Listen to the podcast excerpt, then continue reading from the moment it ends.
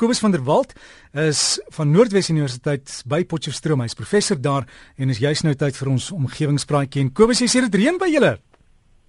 Môre Derek, môre al ons omgewingsvriende. Ja man, dit was so 'n bietjie reën wat hier oor is. Uh, dit het so amper die die, die son is ons al amper 'n uur of langer op en uh dit het skielik stik donker geword hier in Pot. So vol so dat ek 'n flits gaan haal het vir as die krag dalk afgaan en ek kan nie my notas lees vanmôre nie. En uh, so lekker ou los reënbuitjie met nogal sterk rukwinde en so. En Derek, hy's op pad daar na julle toe hoor, want ek sien hy's verby hier in Potch, hier agter. Ek kyk nou hier onder die wolke deur. Ek sien daar skyn die son alweer. So dis maar deel seker van die koue front wat oor ons land beweeg. Maar nou ja, uh omgewingsvriende, ek wil vanoggend graag begin met 'n regstelling. Ek het foutiewelik verlede Saterdag gesê dat die bloedmaan gebeurtenis op 28 September verjaar voltooi was. Maar 'n paar luisteraars het my reg gehelp. Dit is eers op 28 September volgende jaar. So baie dankie vir die omgewingsvriende wat my reg gehelp het en as ek gespaar bly, sal ek dan weer iets oor die onderwerp sê. Nou dan omgewingsvriende, behandel ek graag 'n brief wat ek ontvang het van meneer Frik de Wit wat sê hy's 'n baie gelukkige man want hy het ewigdurende krag uitgevind. Hy sê hy werk nou al 17 jaar op 'n plaas en hy het 'n magneet wat nog altyd teen die kusyn vasklou en hy vra hoekom verloor die magneet nie sy krag nie? Ja, want as dit 'n battery was, was die ding nou nou lank op pad gewees. Nou, baie dankie meneer Frik de Wit vir die interessante vraag. Uh en die opmerking oor ewigdurende krag. En om uh u vraag te behandel, moet mens natuurlik eers kyk presies wat 'n magneet is. Ekskuus tog, en die antwoord daarop is maklik. Dit is enige materiaal wat 'n magneetveld produseer. Nou hierdie magneetveld is onsigbaar, maar dit is verantwoordelik vir die eienskap dat magnete ferromagnetiese materiale aantrek en ander magnete afstoot. Nou mense kry natuurlik permanente magnete sowel as elektromagnete wat mense kan aan of afskakel, maar ek gesels nou vanoggend net oor permanente magnete. En so 'n permanente magneet bestaan uit 'n materiaal wat gemagnetiseer is. Nou wat is dit presies? Gewoonlik is die enorme aantal elektrone in 'n ferromagnetiese materiaal soos byvoorbeeld 'n stuk yster sodanig gerangskik dat hulle orbitaalmomente sowel as hulle intrinsieke momente mekaar uitkanselleer. Die huidige teorie sê dat 'n atoom uit 'n kern bestaan met elektrone wat in orbitale rondom die kern wendel, amper soos satelliete wat om die aarde wendel. So 'n nie magnetiese materiaal se atome of molekules sal in alle rigtings wys sodat die elektrone dus in alle rigtings in hulle orbitale draai en mekaar uitkanselleer sodat die gemiddelde draaimoment van al die miljarde elektrone 0 is. Maar baie keer gebeur dit dat die molekules of atome belyn word deur een of ander krag soos byvoorbeeld as 'n gesmelte klomp ystererts stadig afkoel en die magneetveld van die aarde die atome dan almal in dieselfde rigting laat wys. So as die ysterklip dan nou stol, dan draai die elektrone almal in dieselfde rigting en die stuk yster produseer dan 'n magneetveld rondom hom. Nou hoe meer van die elektrone in dieselfde rigting draai, hoe sterker is die magneet en hoe harder die materiaal is, hoe langer sal die magneet sy krag behou. Nou as mense 'n uh, sterk magneet warm maak, dan sal hy sy krag verloor omdat die atome hulle self dan op 'n ander wyse kan rangskik. Nou goed, nou weet ons wat 'n magneet is en die verklaring oor waarom 'n magneet ferromagnetiese materiale soos byvoorbeeld yster, nikkel, kobalt en raaraarde alloye aantrek, is dat die metaal se eie interne atoomstruktuur deur die magneetveld van die magneet beïnvloed word sodat daar dan 'n aantrekkingskrag tussen die twee voorwerpe ontstaan. Interessant is dat alle materiale, selfs iets soos hout, wel deur 'n magneetveld beïnvloed word, maar slegs ferromagnetiese metale het 'n beduidende effek uh wat ons kan waarneem.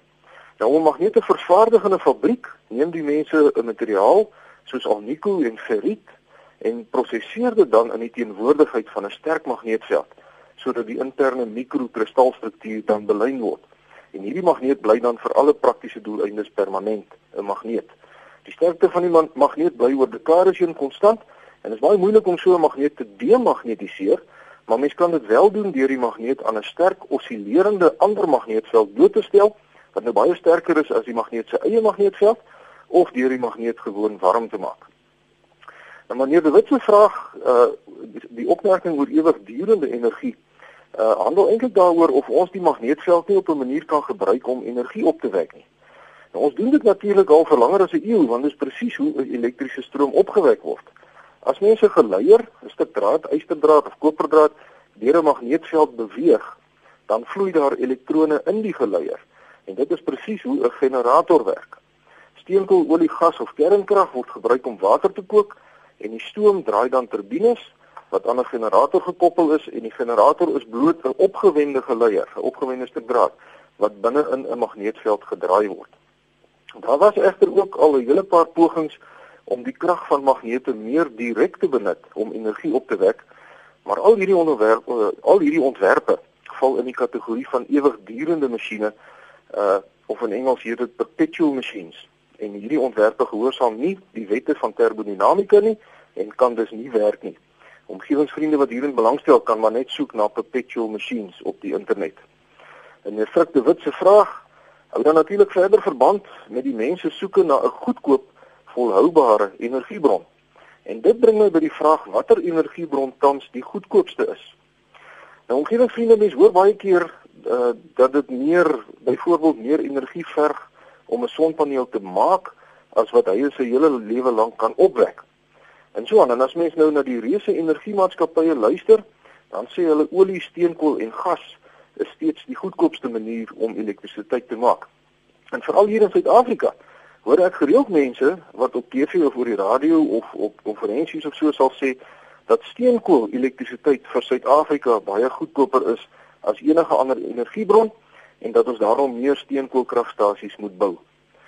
Nou sulke groot maatskappye het egter almal gevestigde belange en daarom het die Europese Unie onlangs 'n studie uitgevoer om hierdie vraag vir eens en vir altyd te beantwoord.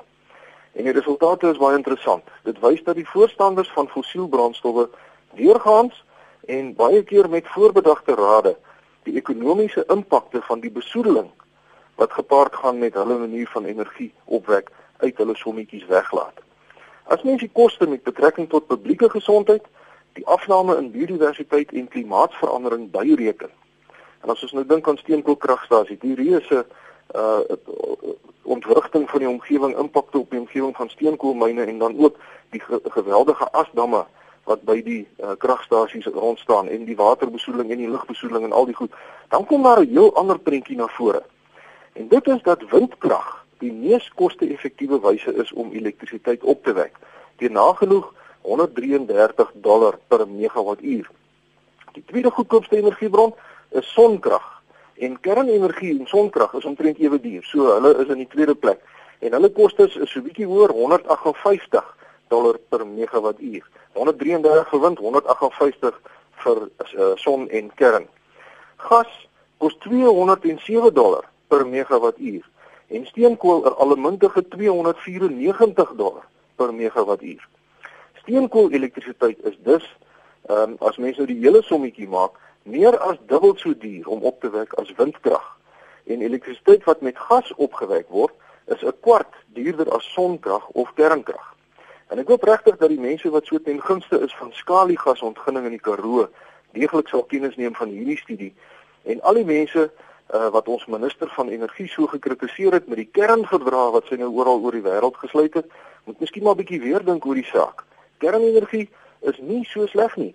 Suid-Afrika se weg na energie moet 'n kombinasie wees van windkrag, sonkrag en kernkrag.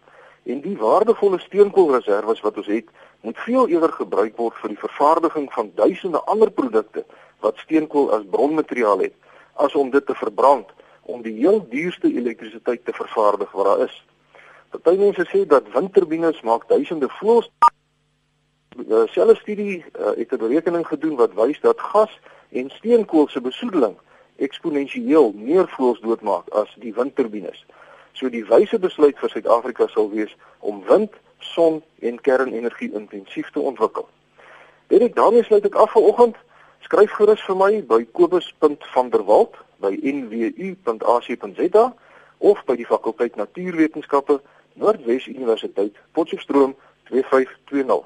Vriendelike groete tot 'n volgende keer. Alkobus sterkte daar met die reën en uh, wat dink jy gaan met die rugby gebeur later? Jong, ek weet nie. Dit kom ons hou maar duim vas. Daai Engelse is uh, is is op die oorlogspad lyk like dit vir my. Ek dink dit gaan dit gaan 'n herhaling wees van die Anglo-Boereoorlog vanaand kom ons eh, wens die bokke maar alle voorspoed toe en ons hou ons duime vas. En Kobus, ek wil ook net hoor die inligting wat jy kry van ons luisteraars, is dit voldoende kry genoeg vrae? Ja, nee, Derek, nee, dit hou nog aan jong. Ehm um, ek uh, ek maak maar net altyd weer verskoning. Ek kan onmoontlik nie al die die navrae persoonlik beantwoord nie. Ek het nog so 'n ander ou werkie ook hier by die universiteit so. Ek vra maar net begrip vir ons omgewingsvriende asseblief. Nee, ek vra maar net Kobus want dit kan baie keer 'n groot probleem raak en en mens kom nie by alles uit nie. Die tyd is net te min. Dit is so direk. So gesels ons dan met Kobus van der Walt, hy's van Noordwes Universiteit en as jy vir hom uh, e-pos wil stuur, dis kobus.vanderwalt by nwu.ac.za. Kobus.vanderwalt by nwu.ac.za.